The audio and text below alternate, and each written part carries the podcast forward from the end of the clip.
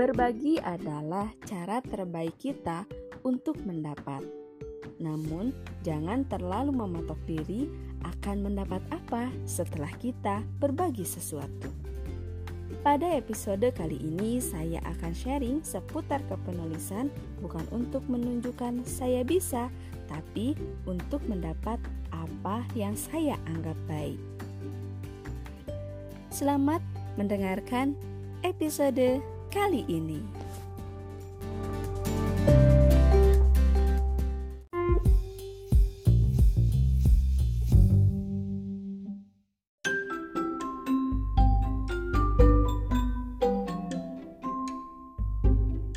Bismillahirrahmanirrahim Assalamualaikum warahmatullahi wabarakatuh Hai sahabat pendengar di mana pun Anda berada Kembali lagi dalam saluran podcast ini Bersama saya Farah Fatihah.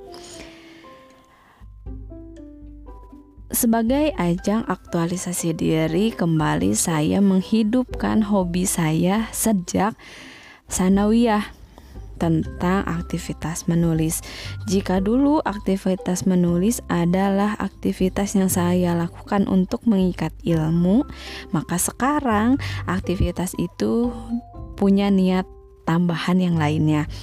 Karena tetap menulis itu bagi saya sebagai rilis emosi yang sangat bersahabat, yang sangat baik bahkan uh, menguntungkan ketika saya mengalami satu emosi yang memuncak, saya bisa menuliskannya, kemudian saya bisa mengolah tulisan itu dan saya bisa berbagi isi tulisan itu dan mungkin di kesempatan lain isi tulisan itu menjadi sebuah hal yang sangat uh, menguntungkan atau menghasilkan bagi saya. Selain menghasilkan ketenangan, saya pun menghasilkan pundi-pundi rupiah dari merilis emosi dengan menulis karena emosi yang saya rasa bisa dibaca oleh orang lain. Saya menggiring para pembaca untuk mengambil ibrohnya mereka mendapat manfaatnya, mereka mendapat pelajarannya. Nah, siapakah di antara sahabat pendengar yang uh, gemar gemar menulis, berminat uh, dunia kepenulisan atau memang berbakat tentang kepenulisan tapi memiliki uh, apa ya kendala lah gitu, kendala atau kalau bahasa uh, hipnosis uh, mental block. Tapi kalau misalnya bahasa kepenulisan mentok gitu. Ketika nulis mentok idenya hilang. Kemudian uh, ini saya mau nulisin perasaan ini nih tapi gimana ya cara mendeskripsikannya nah jika teman-teman punya minat bakat atau kesenangan kegemaran terhadap dunia tulis menulis dan masih kebingungan untuk menuangkan isi tulisannya, yuk simak episode kali ini tentang menulis dengan emosi atau bagaimana sih caranya kita menulis dengan melibatkan rasa.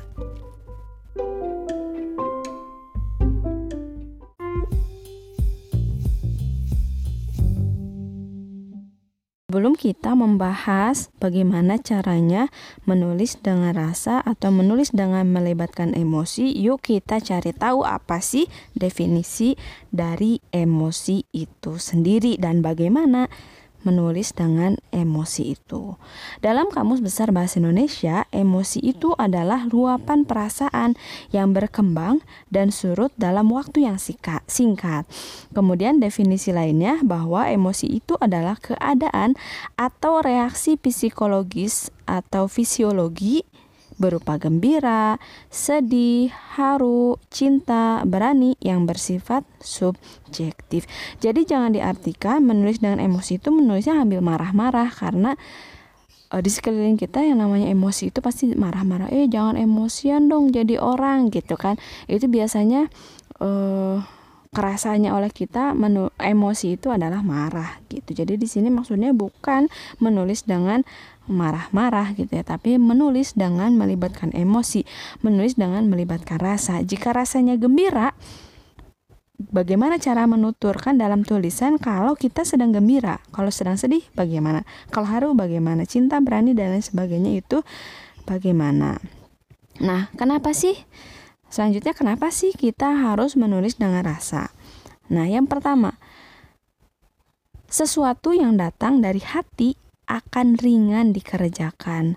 Maka ketika kita nulis memang itu datang dari hati, pengalaman pribadi atau pengalaman orang lain yang kita saksikan, yang kita tahu bagaimana perasaannya. Nah, maka kita selama menulisnya kita akan mengerjakannya dengan ringan gitu ya tanpa beban. Kemudian yang kedua, e, ketika kita menulis dengan rasa, maka tulisan kita itu akan mengajak pembaca untuk terlibat hatinya atau dengan bahasa lain tulisan kita itu akan menggugah pembacanya.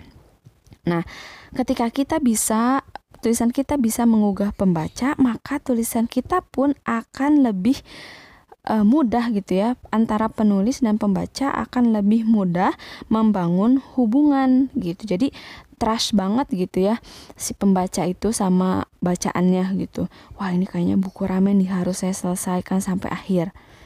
Yang tidak boleh saya lewatkan sedikit pun gitu. Setelah sebelum-sebelumnya kebiasaan membacanya misalnya diloncat-loncat. Tapi karena uh, ada hubungan gitu ya jadi nggak hanya monolog tapi menulisnya melibatkan perasaan si pembaca, menghidupkan suasana, maka dari tulisan itu antara si penulis dan si pembaca itu punya hubungan yang erat kalau kita bisa menuliskan dengan emosi atau melibatkan rasa.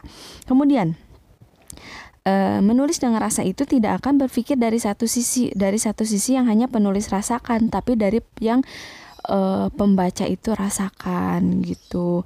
Jadi jangan hanya melihat sudut pandang kita sebagai penulis saja, tapi harus juga melibatkan sudut pandang nanti si pembaca tulisan kita. Kemudian tulisan dari luapan hati akan berbeda dengan tulisan yang menuangkan gagasan gitu. Biasanya tulisan yang menuangkan gagasan itu menuai setidaknya ada penolakan atau ketika ada penerimaan pun ya datar-datar aja gitu ya e, karena berupa gagasan yang nggak semua orang e,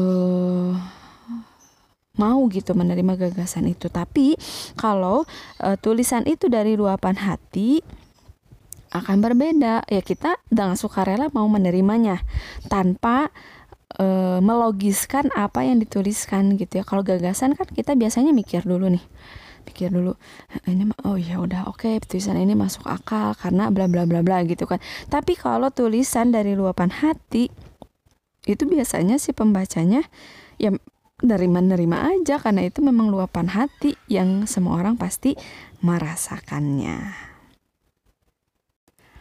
Nah, yang disebut dengan menulis dengan emosi itu sebenarnya menulis dengan menggunakan rasa.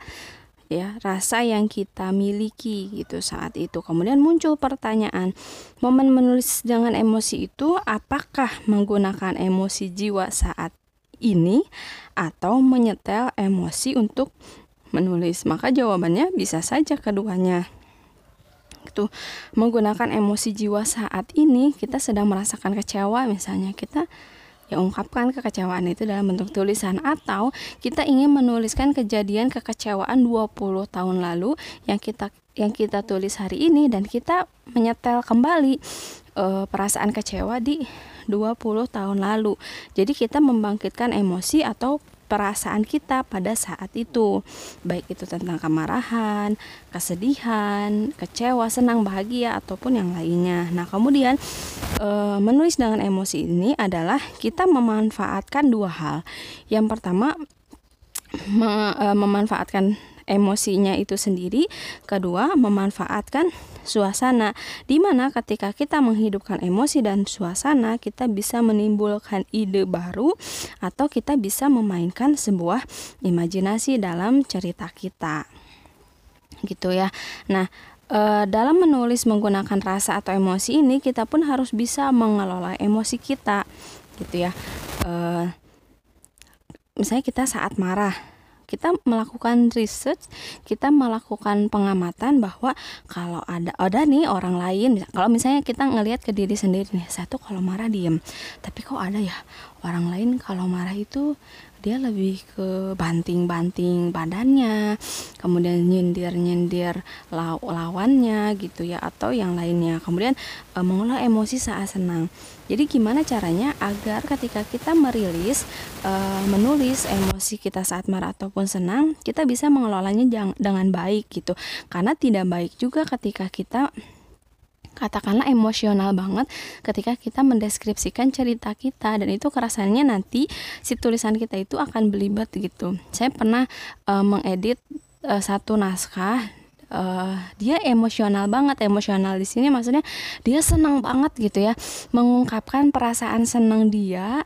terhadap sesuatu dalam tulisan ini. Dan jadinya jadi apa ya kurang enak dibaca gitu. Dan saya sebagai editornya pada saat itu mempercantik uh, naskah ini cukup hati-hati gitu. Cukup saya pun harus bisa uh, menghadirkan emosi si penulis ini. Kemudian saya pun harus bisa dengan baik menata diksinya agar tidak kabur dari apa yang sebenarnya si penulis naskah asli ini uh, inginkan gitu yang ingin dimunculkan. Nah kemudian ketika uh, apa mengelola emosi ya mendeskripsi, mendeskripsikan emosi itu kita harus bisa membangun suasana emosi itu dengan relevan gitu ya relate banget gitu. Misalnya perasaan senang. Perasaan senang itu biasanya dideskripsikan misalnya dengan uh, senyum yang merekah, kemudian uh, riang gembira, kemudian suasana pantai, taman bunga, uh, apalagi ya, pokoknya harus relate juga gitu ya, harus uh, relevan juga setting tempatnya gitu. Kalau misalnya kita dalam satu bab tulisan ingin menghidupkan emosi senang, maka setting tempatnya pun senang gitu. Percakapan si tokohnya juga percakapan yang mengundang uh, senang gitu. Uh, tidak ada uh, pokoknya benar-benar dihidupkan gitu ya. Nah, berbeda dengan uh, contoh tulisan yang sedih gitu. Biasanya kata-katanya puitis, mendayu-dayu, kemudian uh, kalau uh, apa kalau sakit atau patah hati dalam banget gitu. Saya sakit hati terhadap sahabat saya yang satu ini setelah sekian lama kita berteman, kita belum pernah bertengkar sehebat ini. Dia menjauhi saya tanpa sebab. Dia uh, membuang muka ketika bertemu saya gitu kan itu mm, mendayu-dayu sebetulnya deskripsinya berbeda dengan kalimat senang tadi gitu. Aku melihat adikku tertawa riang. Uh, kemudian dia pun menceritakan kesenangan yang dia rasa kepada ibu, ayah, dan keluarga di rumah. Sehingga cerita yang adik kami sampaikan pun membuat kami uh, senang gitu, ikut terlarut dalam ya gitulah pokoknya setting tempatnya, dari bahasanya juga gitu itu ngebantu gitu kita menghidupkan suasana atau menulis dengan uh, mem, apa uh, emosi atau rasa itu sendiri. Kemudian suasana hati mempengaruhi gaya tulisan. Misalnya uh, temanya hujan nih. Kan hujan itu bisa senang, bisa sedih. Walaupun kebanyakan sih yang sedih ya, bukan sedih maksudnya lebih ke puitis gitu ya, mendayu-dayu. Tapi bisa keduanya. Misalnya dalam tulisan pertama, hujan dalam emosi yang kita tampilkan adalah senang. Nah, biasanya yang kita ingat adalah kenangan-kenangan yang uh, sangat mengesankan ketika turun hujan. Misalnya uh, apa hujan-hujanan sama teman, uh, teriak-teriak, apa main-main main air, bawa mainan, dihanyutkan, bikin kapal gitu kan. Itu setting setting yang kita bangun untuk uh, tema hujan yang menuai senang gitu atau dulu ketika hujan aku ditolong oleh seorang ibu yang uh, membawa payung dua menjemput anaknya dan lain sebagainya lah gitu. Berbeda dengan hujan yang uh, apa sedih gitu ya. Uh, hujan dengan set setting sedih misalnya. Uh, apa hatiku mendung bahkan melebihi dari mendung mendungnya hujan deras di sore ini. Aku memilih menyatu dengan hujan. Aku ingin menangis sejadinya. Aku ingin melepas uh, air mata sederas-derasnya. aku ingin berlomba mengeluarkan air mata seperti halnya langit menurunkan derasnya air hujan. Aku kecewa pada kakakku gitu. Dia, kini dia tidak lagi memperhatikanku dan adik-adik kayak gitu gitulah pokoknya uh, kebayang lah ya gitu bagaimana caranya menghadirkan emosi ketika kita menulis gitu. Kemudian kenapa sih kita harus mengelola emosi saat menulis gitu? Karena kita akan menulis dan memainkan perasaan pembaca pun perasaan kita gitu. Jadi gimana caranya agar suasananya, suasana menangisnya hidup, suasana sedihnya hidup, suasana senangnya hidup di suatu cerita ya uh, kita bisa memainkan perasaan melalui emosi yang kita punya, yang kita tahu tentang kesedihan gitu. Biasanya kita ngaca dulu sih penulis ngaca dulu sama diri sendiri. Kalau sedih itu yang merana gitu ya kita tuh pas gimana sih gitu. Atau kita pernah dengar curhatan temen uh, dia tuh sedihnya karena apa kayak gitu-gitu ya. Kemudian kita menulis dengan emosi itu agar tulisan kita bisa memiliki rasa, tidak hanya deskripsi kata-kata saja, tidak hanya diksi yang begitu-begitu saja, tapi tulisan yang hidup, tulisan yang memiliki rasa, tulisan yang si pembacanya pun merasakan hal yang sama dengan isi ceritanya gitu. Kemudian agar pembaca bisa menikmati tulisan kita. Nah, eh, Bagaimana cara menuliskannya gitu ya? Yang pertama, tulis yang kita tahu. Ya, baik kejadian yang kita rasakan sendiri atau orang lain uh, alami kemudian kita ketahui gitu ya. Yang kedua, pikirkan gitu ya. Pikirkan apa yang mau kita tulis kemudian perasaan apa yang akan kita hadirkan harapan apa dari tulisan itu. Nah kita harus mampu gitu ya mencari tahu. Karena pikiran perasaan dan harapan itu adalah e, hal yang harus kita ketahui dalam isi tulisan kita gitu. E, agar si tulisannya hidup gitu ya agar tulisannya e, bisa dinikmati agar tulisannya bisa memiliki rasa gitu. Kemudian menggunakan sudut pandang juga. Tadi ya dikatakan di awal jangan hanya menggunakan sudut pandang kita. Jangan kalau misalnya kita introvert jangan hanya menggunakan sudut pandang si introvert tapi ekstrovert juga. Kemudian cari uh, apa? celah di antara keduanya yang paling relate atau kita mau ngobok-ngobok perasaan pembaca itu di mana. Kayak buku saya Memaksa Berlabuh Kemudian Jatuh, tujuan awalnya, tujuan saya membuatkan buku itu adalah menuliskan buku itu adalah self healing gitu ya, self healing untuk diri saya sendiri tentang uh, sebuah persahabatan gitu, sebuah persahabatan antara laki-laki dan perempuan. Awal mulanya uh, jadi dari kalau nggak salah 6, 6 apa 5 bab gitu ya di buku itu 85 eh, persennya itu tulisan dengan tokoh Rona. Kemudian eh, apa? Eh, sisanya 15 persennya itu perasaan si Faris itu sendiri tapi gitu ya ya karena karena saya menghidupkan eh, saya menghidupkan perasaan si Farisnya ngobok-ngobok perasaan pembaca gitu jadi uh, yang 15 persennya itu malahan yang bikin hmm, apa ya yang bikin si pembaca jadi berkesan gitu lebih terkesan.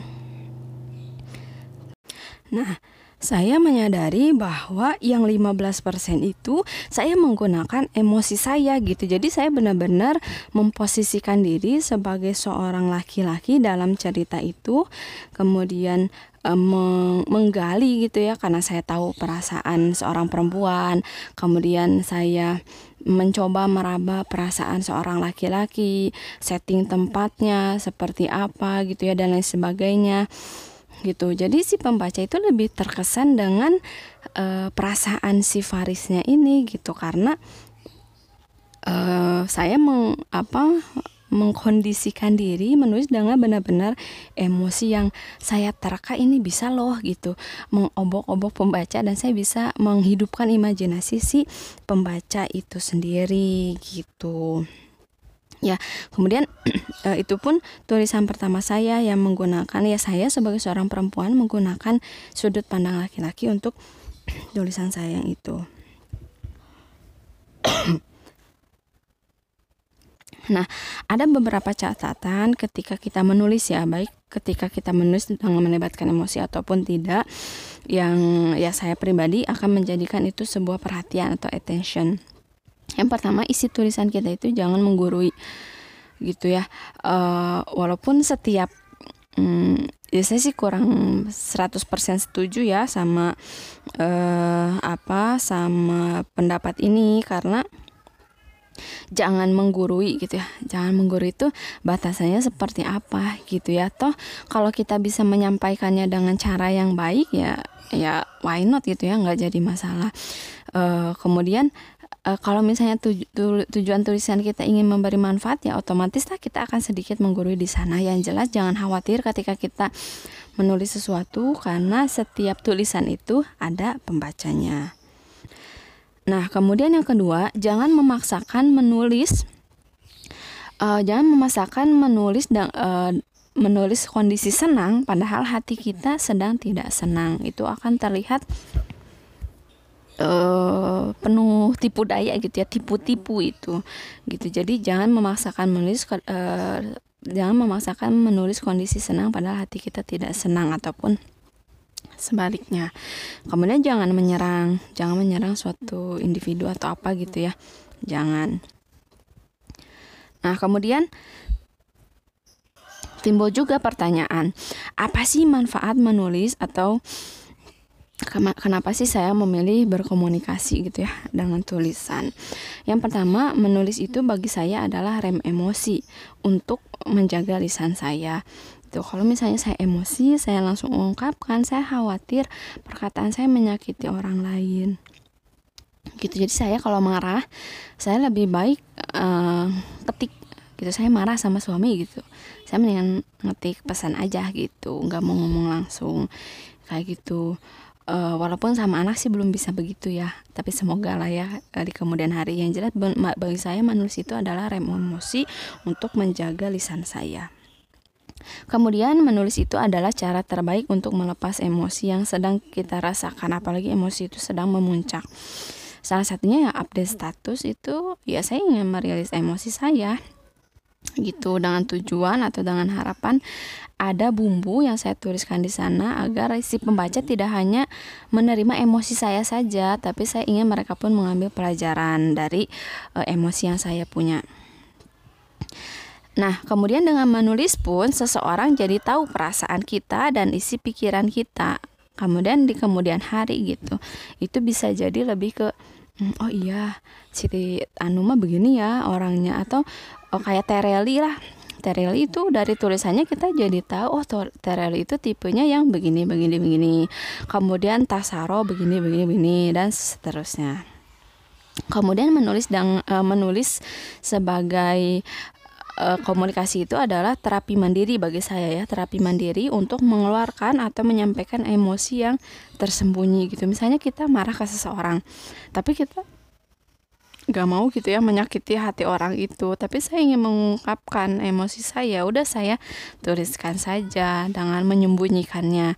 Kalau misalnya ya nggak apa-apa kalau misalnya tanpa seperti uh, menyindir gitu ya. Toh sindiran saya uh, sesuatu yang memang saya ingin orang lain pun belajar dari itu misalnya. Nah, kemudian uh, apa apa ya? Uh, yang jelas gitu ya ketika kita menulis kita punya tujuannya untuk apa gitu. Karena itu tadi ada aja yang suka sama tulisan kita dan ada juga yang sama sekali nggak suka sama tulisan kita. Gitu. Saya pun pernah gitu ya ketika saya menulis sebuah buku uh, saya bagikan cuma-cuma gitu ya sama uh, orang di lingkungan saya mereka mengapresiasi tapi kemudian ketika kita sedang asik membicarakan tulisan saya itu eh, seseorang bertanya gitu no apa sih baca buku apa? gitu. Ini baca buku tulisan Farah rame tentang apa? katanya gitu. Ya itulah uh, apa dunia percintaan. Terus dengan gamblangnya dia di hadapan saya bilang ah teresep cina ya gak suka cerita yang uh, cinta-cinta gitu lebay gitu ya uh, lebay cengeng dan lain sebagainya. Padahal saya tahu kok gitu dia pun suka membaca cinta-cintaan gitu tapi yang pelakor kayak gitu kan juga cinta-cintaan ya. Maksud maksud saya ya oke okay, saya nggak nulis buat kamu seorang diri gitu ya. Saya mau nulis nulis aja karena tujuan saya menulis uh, rilis emosi. Ujungnya nanti ada yang menikmati ada yang mengambil hikmah yaitu adalah sebuah bonus gitu ya. Saya tidak terlalu memikirkan terus gitu obrolan omongan dia yang tidak suka sama uh, tulisan yang saya buat gitu. Ya walaupun kepikiran gitu ya oh ternyata ada loh orang yang kayak gitu gitu. Berarti benar tulisan kita punya setiap tulisan ada pembacanya itu benar. Karena di lingkungan saya katakanlah sembilan orang yang menerima tulisan saya dan satu orang yang tidak menerima tulisan saya gitu. Ya wajar saja kalau misalnya saya menganggap uh, satu komentar ini gangguan gitu. Tapi saya tidak fokus sama satu gangguan ini karena toh dari sembilan orangnya itu adalah mengapresiasi karya saya gitu. Mereka terhibur mereka menikmati mereka mengambil hikmahnya gitu. Kenapa saya harus uh, dirundung kecemasan atau kesedihan dengan satu satu komentar ini gitu. Sedangkan sembilan sembilan komentar yang mengapresiasi saya saya tidak hargai itu gitu ya gitu. Uh, kemudian menulis itu adalah sebagai healing uh, mau disimpan pribadi atau dipublikasikan itu terserah. Yang jelas kalau misalnya disimpan pribadi mungkin efeknya hanya sedikit. Tapi kalau dipublikasikan gitu itu bisa berdampak banyak. Tapi dengan catatan jangan terlalu jujur gitu ya. Harus ada yang diedit harus ada yang dipoles gitu. Karena walaupun tulisan itu berangkat dari healing kita perasaan kita kita kemudian dipublis kemudian sudah melewati uh, proses editing gitu kita pun harus siap dengan segala resiko yang ada. Gitu. Harus siap dengan segala resiko yang ada. Hmm, ya memang begitu gitu ya dunia dunia uh, dunia ini gitu ya. Mau kepenulisan mau apa kayak selalu saja ada yang pro dan kontra. Kita tidak bisa memaksa semua orang menyukai tulisan kita. Toh ada buku yang bestseller toh ada yang enggak. Tapi keduanya tetap punya pembaca. Yang jelas kita sebagai penulis harus meluruskan tujuan kita kita menulis untuk apa gitu biar tidak usah kecewa gitu uh, atau biar kita tidak usah menaruh harapan kita tinggi-tinggi tentang uh, tujuan menulis buku ini. Gitu. Yang jelas ketika kita menulis buku kita mencoba uh, mendeskripsikan dan kita mencoba agar orang lain mau mengambil manfaatnya. Nah satu atau dua orang yang mengambil manfaat itu sudah syukur banget gitu. Kita nggak mengendapkan ilmu tapi kita berbagi ilmu. Urusan buku itu jadi bestseller atau enggak ya gimana nanti? Itu mah kodarullah Allah aja. Kayak gitu. Kemudian uh, saya pun terkaget ketika tulisan saya yang yang bertujuan self healing eh ternyata ada orang lain pun yang uh, ter terlir terrilis emosinya karena baca tulisan saya. Karena dia bilang um, ih hampir sama teh kejadiannya sama kejadian hidup aku. Aku benar ngerasain setengah dari emosi aku itu terli terrilis setelah membaca buku ini. Nih tinggal setengahnya lagi aku cari cara kayak gimana. Nah gitu. Dan memang saya menuliskan itu pun tidak 100% benar-benar liris karena saya harus melakukan hal yang lainnya. Gitu. Atos? Atos Nah, mungkin sekian sahabat pendengar uh, sharing kepenulisan kali ini tentang menulis dengan emosi atau menulis dengan melibatkan rasa. Semoga uh, teman-teman bisa menangkap ya, menangkap uh, poin-poin penting dari um, sharing kali ini. Adapun pertanyaan atau diskusi yang lainnya silahkan uh, hubungi saya secara pribadi di 0898775393. Mungkin sekian Terima kasih. Wassalamualaikum warahmatullahi wabarakatuh. Hidup untuk berbuat, berbuat untuk bermanfaat.